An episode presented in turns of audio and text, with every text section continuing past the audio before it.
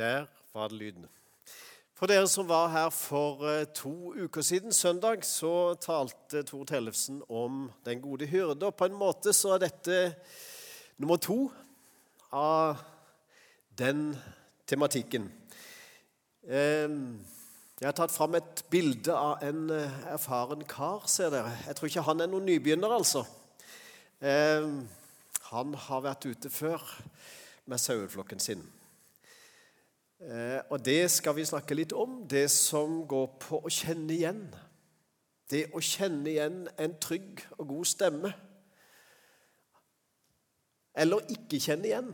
Hva skjer da? Så skal jeg dele noen tanker jeg tror jeg har fått å dele i dag, som eh, jeg håper du kan ta med deg hjem og grunne på, og som blir litt mat for vår sjel. Skal jeg be en bønn først. Herre Jesus, takk for at du er midt iblant oss. Takk for at du er en god Gud. Og takk for at du er kommet for å gi det beste til oss. Komme for å gjøre deg kjent, og at vi blir kjent med deg. Herre, tal til oss gjennom ditt ord, som er så rikt rundt dette temaet, at du er en god Gud, og at du er en god hyrde og en god venn og en god leder for oss, Herre Jesus. Du vil oss det beste. Akkurat som for barna så vil du at de skal tilhøre deg og være nær deg. Og sånn vil du med ethvert menneske på denne jord. Herre, hjelp oss å ha det gode bildet av deg, du som den gode hyrde. Herre, velsign stunda fortsatt for oss. Amen. Jeg skal eh, lese fra Johannes kapittel 10 i dag, fra vers 3 til 6, og så vers 14 i Jesu navn. Portvokteren åpner for ham, og sauene hører stemmen hans. Han kaller sine egne sauer ved navn og følger, fører dem ut. Og når han har fått ut alle sine, går han foran dem, og sauene følger ham, for de kjenner stemmen hans. Men en fremmed følger de ikke. De flykter fra ham fordi de ikke kjenner den fremmedes stemme. Denne lignelsen fortalte Jesus, men de skjønte ikke hva han mente. Så vers 14. Jeg er den gode gjeteren. Jeg kjenner mine, og mine kjenner meg. Amen. Hyrde og sauer, ja. Eh, hvorfor brukte Jesus et slikt bilde, har jeg spurt meg noen ganger. Eh, jeg tror eh, For det første så er det et bilde som veldig mange kan assosiere med noen som følger etter andre der du har noen som står på en måte i sentrum av en flokk. og Det tror jeg er kjent og på en måte enkelt å identifisere seg med til alle tider. Det fungerte på Jesu tid, og det fungerer faktisk eh, fortsatt. Selv om vi ikke skulle ha noen peiling på sauehold, så tror jeg vi skjønner det der. Eh, og så spurte jeg meg sjøl hvorfor bruker Jesus sauebildet på oss, da? ja, Dum som en sau. Det er mulig det er noe med det, jeg vet ikke. Men i hvert fall så er det noe med sauer at eh, de er mer eller mindre forsvarsløse. De har ikke så mange måter å forsvare seg på. Jeg har vokst opp på en gård, liten gård som eh, hadde noen sauer. Og jeg skjønner det der. der. Hvis du ikke er en stor vær, da, da skal du passe deg ingenting. Eh, jeg tror det har noe med forsvarsløsheten Og Jesus ville minne oss på at vi som mennesker er egentlig litt forsvarsløse når det kommer til stykket. Vi blir utsatt for en del farer. Jeg kjenner nyhetsbildet fra ikke så mange dager siden der eh, en eller flere ulver hadde gått løs på en saueflokk og slakta de ned for fote. Og de hadde ingen sjanse til å forsvare seg. Og det er jo et hett tema. Skal vi ha ulver i norsk natur? Og Sauebondene er i harnisk, og dette er ikke noe innlegg verken for den ene eller den andre, men jeg konstaterer at sauer er forsvarsløse i forhold til andre dyr som har en del andre muligheter både til å forsvare seg og til å angripe og på en måte hevde sin makt. Jeg tror vi er forsvarsløse i en verden på mange måter. Selv om vi tror at vi mestrer alt, vi kan forsvare oss og vi kan ordne opp i vår egen situasjon. Når det kommer til stykket, så tror jeg det er best å erkjenne at vi egentlig er utsatt for mye press, mye påvirkning og mye som vi på mange måter og av og til ikke har noen mulighet til å forsvare oss så mye mot. Hvis vi ikke har den gleden av å kunne følge en som er sterkere og større enn oss. Den åpenbare faren er alltid enklest å forsvare seg mot. Det du ser komme, det du alle skjønner at nå er det fare på ferde, da kan vi gjøre noen tiltak som mennesker. kan vi ikke det? Men det vi ikke ser komme, det som gjerne kommer innenfra, det er alltid det vanskeligste. Sånn er det i en menighet. Sånn er det i en hvilken som helst forsamling eller familie eller hva det måtte være. Det som er ytre farer, det greier en på en eller annen måte å håndtere eller stå opp imot. Men det som kommer innifra, det er ofte mest ødeleggende. Og det er vanskelig å finne ut av av og til. Vi, har, vi kjenner uttrykket 'ulv i fåreklær'. Og Det er et sånt uttrykk som sier noe om at faren kommer skjult, og den er tildekka helt til det er for seint, på en måte at vi oppdager det for seint. Og slik hender det at vi opplever livet vårt. Men det er én ting som dette bildet og denne teksten setter fingeren på. Det er stemmen. Og Hvis dere ser på bildet her bak, så, så ser dere en eh, godt hardbarka kar som, som i utgangspunktet ikke ser sånn ut til å tiltrekke seg hvem som helst, kanskje, men allikevel Sauene rundt han, de vet veldig godt hvem han er. Og de holder seg der, og de skjønner at her er det best å være. Han trenger ikke å gjøre så mye. Han trenger ikke å handle så mye. Han bare er der og snakker med dem av og til. Jeg har sett eh, både på video og ellers noen som er flinke til å lokke på dyr. Jeg vet ikke om dere har hørt det, enten det er sauer eller andre dyr. Noen har på en måte den evnen men det er jo ikke bare sånn at du kan gå inn i en hvilken som helst flokk og så lokke på noe. De må kjenne igjen deg. Og de som er eh, gode på sånt, og er kjent med den flokken de skal lokke, de greier det uansett. Jeg vokste opp på en liten gård, som jeg sa. Vi hadde, vi hadde noen kuer, da. Eh, og det var ikke mye jeg trengte å si. altså. Jeg var liten, men allikevel, de forsto meg med en gang og hørte det og kom gjerne bort. Jeg syntes de var store, så jeg var litt sånn engstelig når kua sto nesten over meg. altså. Men, men jeg visste at det var ingen fare med det. Når vi, vi fikk sauer, så var det litt mer på samme nivå, så det var litt mindre engstelse. Og det var ikke noe problem, og de hørte og de kjente meg. altså. Til og med lamma, selv om de stakk litt av, så kom de alltid tilbake.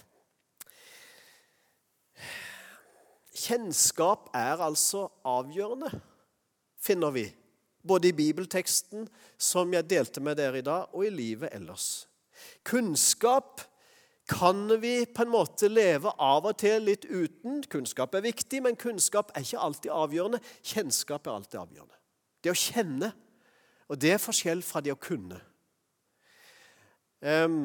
Jeg kan nok lese meg til mye og få en masse kunnskap, men jeg kan ikke nødvendigvis alt om saken for det før jeg kjenner det, har prøvd det, gått i praksis, gått i lære og på en måte er under huden på stoffet sjøl. Det er veldig forskjellig å høre på noen. Jeg har sittet mye eh, på en pult og hørt på lærere som har forelest. Og Det er veldig fort å merke om dette er utelukkende boklærdom, eller om vedkommende har praksis òg. Eh, og når en opplever at den som sier noe, både vet hva han snakker om, og han vet hva det handler om, da er det så mye mer som går inn eh, hos oss. Og det, det, tror jeg er lett for oss å forstå. Um, Kjennskap er viktig. En kjenner igjen stemmen, altså. Stemmegjenkjennelse. Vet dere, På de nye telefonene ikke sant, så er det ikke alltid vi trenger å trykke på noen ting engang. Vi kan snakke til dem, og de kjenner oss. Og de skiller veldig godt på stemmen, så til og med ny teknologi kan gjøre det veldig bra. altså. Gjenkjennelse av stemmen, og så legger du det inn som et passord istedenfor at du trenger å trykke på noe som helst. Så til og med nymotens teknologi har skjønt det med stemmegjenkjenning og nyansene i det. Det er viktig, til og med i 2018. Som det alltid har vært siden skapelsens morgen. Når Gud kom og vandra i hagen til Adam og Eva, står det, så kom han, og så ropte han, 'Adam, hvor er du?'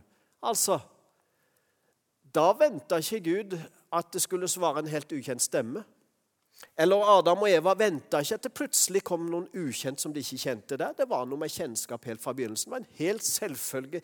Disse kjente hverandre, for de hadde lært å kjenne hverandre. Det representerer trygghet. En vet hva vedkommende vil, osv. Hva er det David skriver i sin salme 23? Han begynner med 'Herren er min hyrde'. Det skriver han ikke som en boklig lærdom. Det skriver han som en understrekning av all den erfaring han har hatt. Min hyrde. Eh, kan du si det?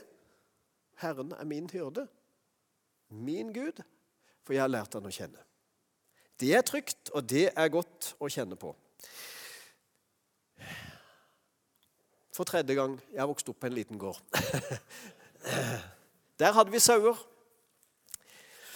Og en av de var at Søya da, eh, hun hadde to lam, og så eh, hadde vi ikke så mange, så faren min hadde bundet et, eh, et sånn Bånd rundt halsen, og så var det en enkel kjetting som sto i en, et spett på jordet, og så kunne den gå liksom viss omkrets, da, så den var bunden. Eh, vi hadde ikke inngjerding eller, eller, sånn, men eh, flytta det spettet med tid til annen, så de hadde liksom en mulighet for å beite rundt. En dag så sleit denne sauen seg. Jeg gikk i fjerde klasse på skolen, på Homstjern skole i Øvrebø. Og Rektor banka på døra til klassen, og vi var midt i en eller annen time, jeg husker ikke hvilken. Og han ropte opp navnet 'Kan du komme ut på gangen?' Og jeg tenkte 'Hva har jeg gjort galt nå?' Rektor liksom ut på gangen, der aner vi det verste, altså. Men det han sa når han hadde lukka døra 'Du, din mor har ringt.' Hun vil gjerne at du skal komme hjem, for sauene har slitt seg. Og hun har ingen andre å, å tilkalle enn deg. Faren min var på, på jobb på fabrikken. Hun fikk, fikk ikke tak i han. Og det var liksom eh, Ja, det var enkelt liv. Og sauene, det var, det var kjøttet til vinteren, altså. Og de var blitt borte. Og kjettingen hadde hoppa av eh, spettet, og de var strøken til skogs. Og jeg var den nærmeste fjerdeklassing å få tak i. jeg fikk komme meg hjem. Jeg husker ikke om jeg tok sykkelen eller buss, eller noe, det var noen kilometer. men jeg kom hjem og forklarte de var her for tre timer siden. Kan du gå på skogen og lete etter? Jeg sprang på skogen og så etter eh, Det som var farlig da med et langt sånn kjetting, det var jo at de kunne hoppe utfor, og den kunne hekte seg fast. og rett og slett Sauen kunne bli hengt. Og da hadde kjøtt og økonomien eh, akkurat på det feltet gått fløyten for den vinteren. Så det var viktig, og du hadde to eh, lam med seg da, som fulgte mora. Nei, jeg fant ikke noe sau, altså. Og Det gikk langt utpå ettermiddagen, og vi organiserte et litt sånn team da, eh, når eh, de andre ungene kom fra skolen i nabolaget. og Det var særlig en eldre gutt. Han var noen år eldre enn meg. Nabogutt. Han, eh, han gikk oss til skogs. da. Og Langt utpå kvelden, like før sola gikk ned, så hører vi det breker. Og han kommer med, med sauen i tjoret, i kjettingen. Og han har fått tak i dem. Og vi spør hvor, hvor fant du de henne? Jo, langt hadde de gått flere kilometer innover i skogen. Ut på et svært jorde. Der så han de. Og han eh, prøvde å rope på dem. De ville ikke høre på han, for han kjente, de kjente ikke han. Nei da, de stakk heller av. Han sa jeg sprang alt jeg kunne, og så kasta jeg meg så lang jeg var, og fikk akkurat tak i kjettingen, som var liksom 7-8 meter fra der de sto, og fikk stoppa de. Men egentlig så ville de bare springe, for jeg var jo en helt ukjent kar. Ja, sånn er det. Nabogutten. Han hadde nok sett sauene, men de kjente ikke han. De hadde ikke noe forhold til han. Hadde jeg kommet inn på sauene og truffet de inn på skogen, så hadde de kommet imot meg isteden. For jeg kjente de godt. Men det var nabogutten som fikk tak i de da pga. en lang kjetting. og Så kom han med de, og det ble, eh, da var liksom kjøttet redda for vinteren. Og det var veldig bra. Og Jeg husker mora mi jeg tror betalte ut 25 kroner i finnerlønn. Det det var liksom eh, fire, fire ukers lommepenger for han. Det det var fint. Det har satt seg i meg siden. Det er noe med Hva kjenner dyra igjen stemmen? Hvem er det som roper på dem? Dette tar altså Jesus tak i. For dette er et universelt bilde. Det gjaldt for flere tusen år siden. Det gjelder fortsatt i dag. Dette er instinkter som fungerer mennesker imellom, dyr imellom, mennesker og dyr imellom, og mennesker og Gud imellom. Tenk på det. Dette er noe, Og så tar Jesus dette fram. Kjennskap er helt avgjørende. Gjenkjennelse av stemme er helt avgjørende. Kjenner du når Gud taler til deg? Det er jo et voldsomt spørsmål, da. Men hører du på en måte Guds stemme? Og Nå snakker jeg ikke nødvendigvis om desibeller, en sånn eh, stemme som vi, stor stemme som vi hører i rommet men kjenner igjen hans signaler når han vil deg noe, og når han taler til deg, enten gjennom sitt ord, gjennom andre mennesker, gjennom situasjoner, gjennom det du kjenner i ditt hjerte, eller som oppstår i din hverdag. Kjennskap er avgjørende. Eh, det er noe med hyrde, da. For en del år siden så skrev eh, Egil Svartdal ei lita bok. Jeg vet ikke om noen har vært borti den. Den heter rett og slett 'Gjerde eller hyrde'. Og Den beskriver to måter å håndtere dyr på. Enten så gjerder du de inne innenfor et område, eller så plasserer du noen til å passe på dem. Og da trenger du ikke gjøre. Og så beskriver han den kristne forsamling, eller ja, den kristne menighet, med det uttrykket Trenger vi gjerder, eller trenger vi en hyrde? For de som har gjerder, trenger ingen hyrde. For de har liksom gjerda seg inne. Eller de prøver vi å holde innenfor det gjerdet der. Problemet med mange gjerder det er jo at det alltid er grønnere på den andre sida av gjerdet. Og alle dyr prøver å stikke av hvis de kan, altså. Enten å brøyte gjerdet ned, eller at de hopper over, eller osv. osv. Så så det med gjerder det har en bismak i seg i den forstand at det frister å komme utenfor gjerdet. Og en holder seg ofte i utkanten langs gjerdet. Hvis du ser på ei beitemark, hvor er det minst gress? Bare se neste gang. Det er langs gjerdet. For der har hester eller kuer eller andre dyr gjerne gått helt inntil gjerdet. Der er de i hvert fall minst eh, For der har de, de har stått og kikka utenfor. Hvordan er det på utsida? Du, du, hører nesten tankene deres. Sånn er det av og til med oss mennesker. Hvis vi blir innesperra, så søker vi å komme utenfor den sperringen, altså. Fengsel er jo på en måte en måte å sperre inne på som vi kjenner at her fratas vi mulighet for frihet som vi ikke er noe godt.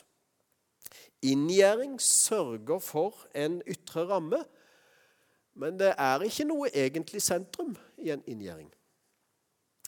Gjerde eller hyrde. Periferi eller sentrum. Og det er litt interessant i en kristen forsamling å snakke om det. Der gjerne blir viktig, hva skjer da? Jo, da blir det viktig. Det kan du ikke gjøre, og det må du holde deg borte fra. Og sånn må det være. For altså det blir på en måte alle disse nei-tinga som blir viktige, da. Men hvis det er en hyrde med en sentrum, så blir det den store ja-tingen som blir den viktig. Da blir det det som er aller viktigst å holde seg til, som blir helt avgjørende.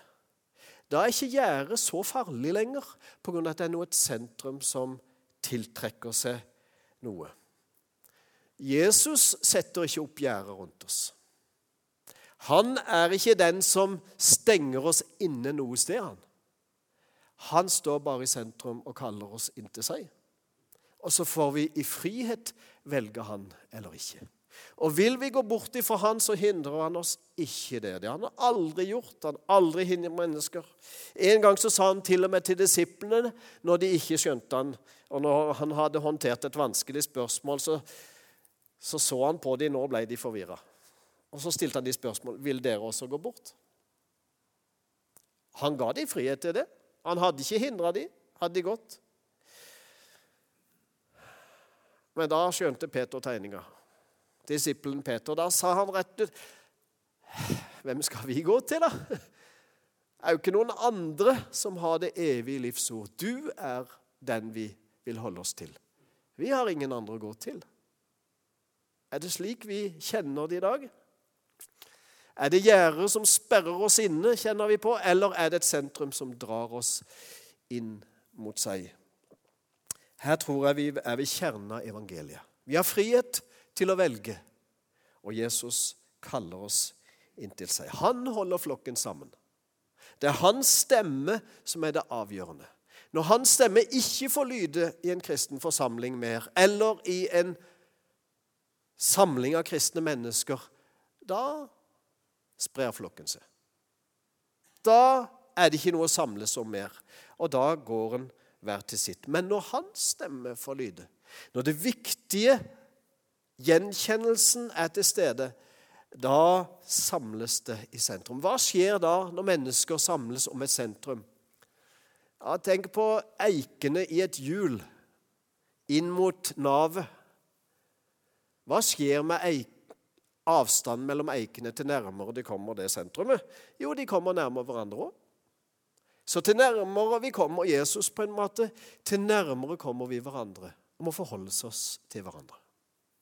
Og Det var jo det disiplene opplevde. De var nærme Jesus og gikk sammen med han i tre år.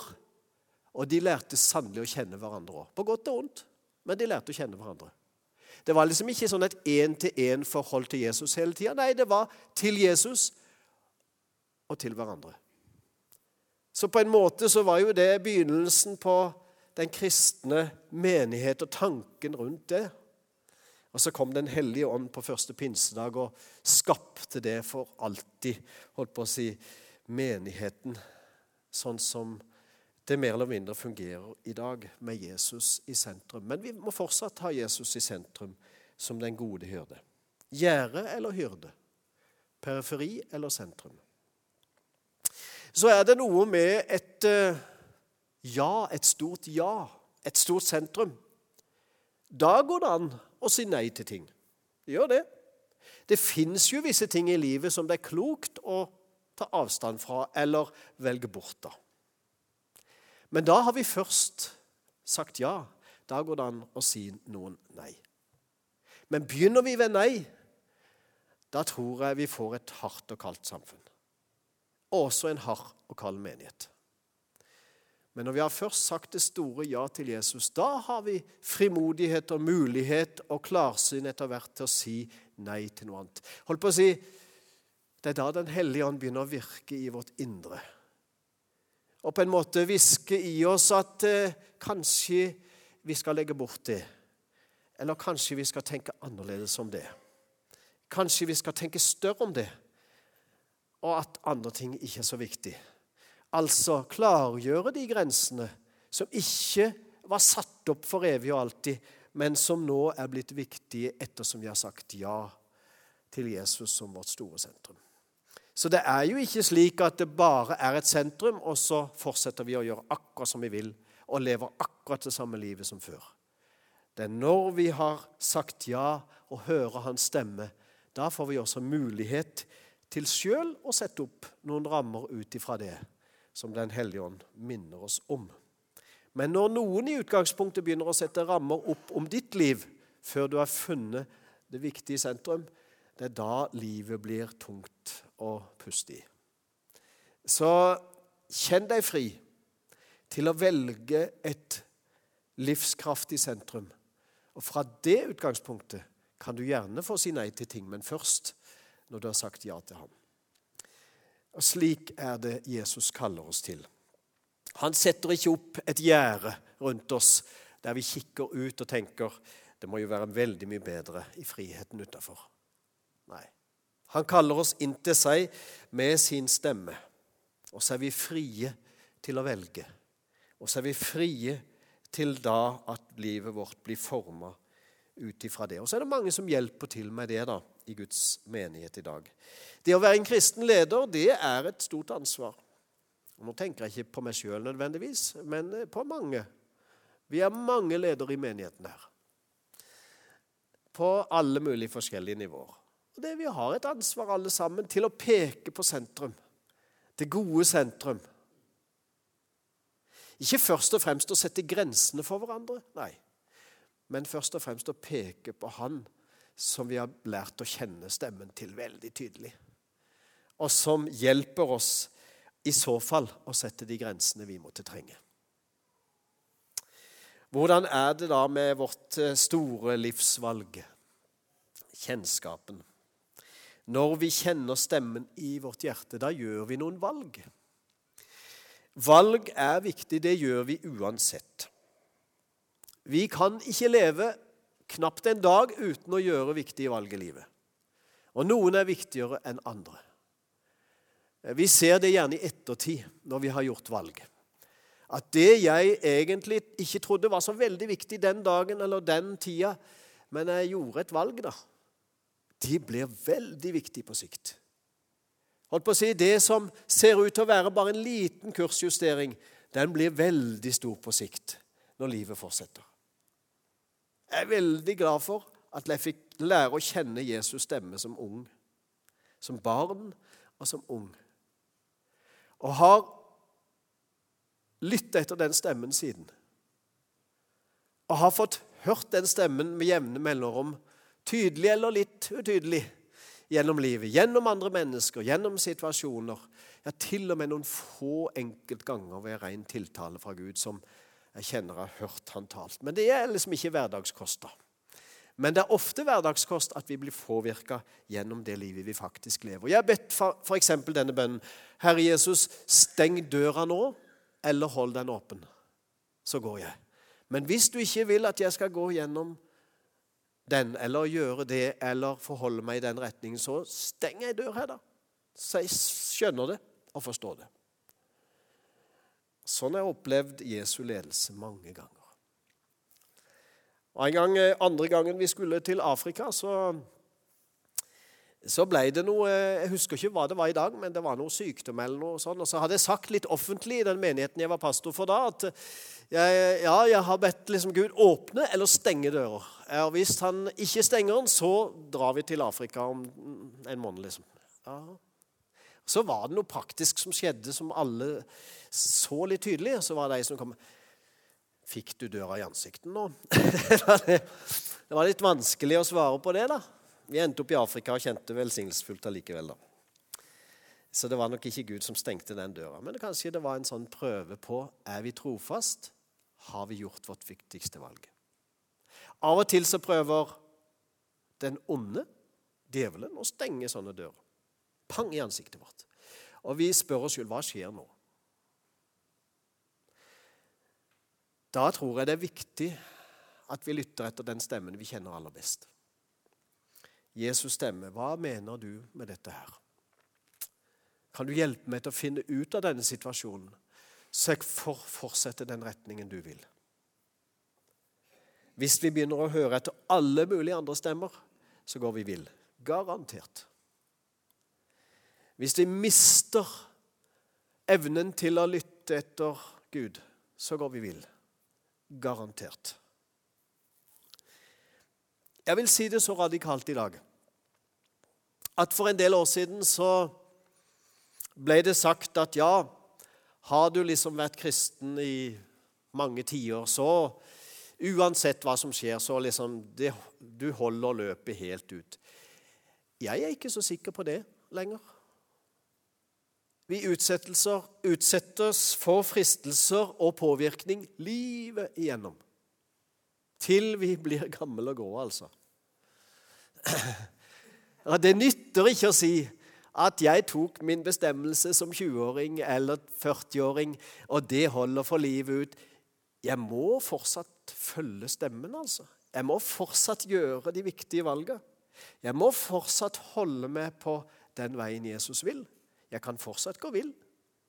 Hvis jeg slutter å lytte etter Guds stemme, hvis jeg blåser i det å få veiledning fra Guds ord og de menneskene som Gud sender i min nærhet Hvis jeg slutter å lytte etter hva Han vil med mitt liv, så er det mulig å gå vill fortsatt. Det skal vi være klar over. Vi skal aldri bli så selvsikre at dette går bra helt inn. Selvfølgelig skal vi være trygge i frelsen, men vi skal fortsatt være lydhøre for Guds stemme i våre liv. Vi påvirkes enormt i dagens verden. Og det gjelder ikke bare yngre. Det gjelder oss eldre på alle måter. Derfor er det viktig å gjenkjenne stemmen fortsatt. Se på karen på bildet. Han har nok en stemme de kjenner fortsatt. Og selv om eh, lam blir sauer, og sauene blir gamle, de kommer fortsatt til å følge den stemmen som de lærte å kjenne en gang. Slik er det med oss. Den stemmen vi har lært å kjenne, enten vi var barn eller unge, eller vi kom til Gud i voksen alder, eh, så er det den stemmen som vi lærer mer og mer å kjenne. Jeg vil lese Salme 23 for dere i dag. Kanskje mange av dere kan den på fingrene. vet ikke. Jeg vet at den er mye sitert, mye lest i kirker og bedehus rundt om. Men legg merke til det som faktisk står her. altså. Det står noe om næring. Det står om beskyttelse. Det står om hvile. Det står om nytt liv. Det står om rette stier og veier. Det står faktisk om å ha et bosted, et hjem. Hør en salme av David. Herren er min hyrde. Jeg mangler ikke noe. Han lar meg ligge i grønne enger. Han leder meg til vann der jeg finner hvile. Han gir meg nytt liv. Han fører meg på rettferdighetsstier for sitt navns skyld. Om jeg enn skulle vandre i dødsskyggens dal, så frykter jeg ikke for noe vondt, for du er med meg. Din kjepp og din stav, de trøster meg. Du dekker bord for meg, like foran mine fiender. Du salver mitt hode med olje. Mitt beger renner over bare godhet og miskunn skal følge meg alle mine dager. Og jeg skal få bo i Herrens hus gjennom lange tider. Jeg skal lese et vers fra Salme 100 også. Kjenn at Herren er Gud. Han har skapt oss vi er hans, vi hans folk, og den flokken han gjeter. Amen, skal vi be. Herre Jesus, takk for at du er en god Gud å tilhøre. Du er en god Gud å følge. Du er en god Gud å lytte til. Du er en god Gud å bli beskytta av. Du er en god Gud å være sammen med. Du er en god Gud å ta næring til seg ved, Herre. Du gir oss den mat vi trenger. Og ikke minst, Herre, du er en god Gud å bosette seg hos. Hva mer trenger vi? Herre, vi gjør vårt ord. Gjør Davids ord til våre. Du er vår hyrde. Vi mangler egentlig ingenting. Amen.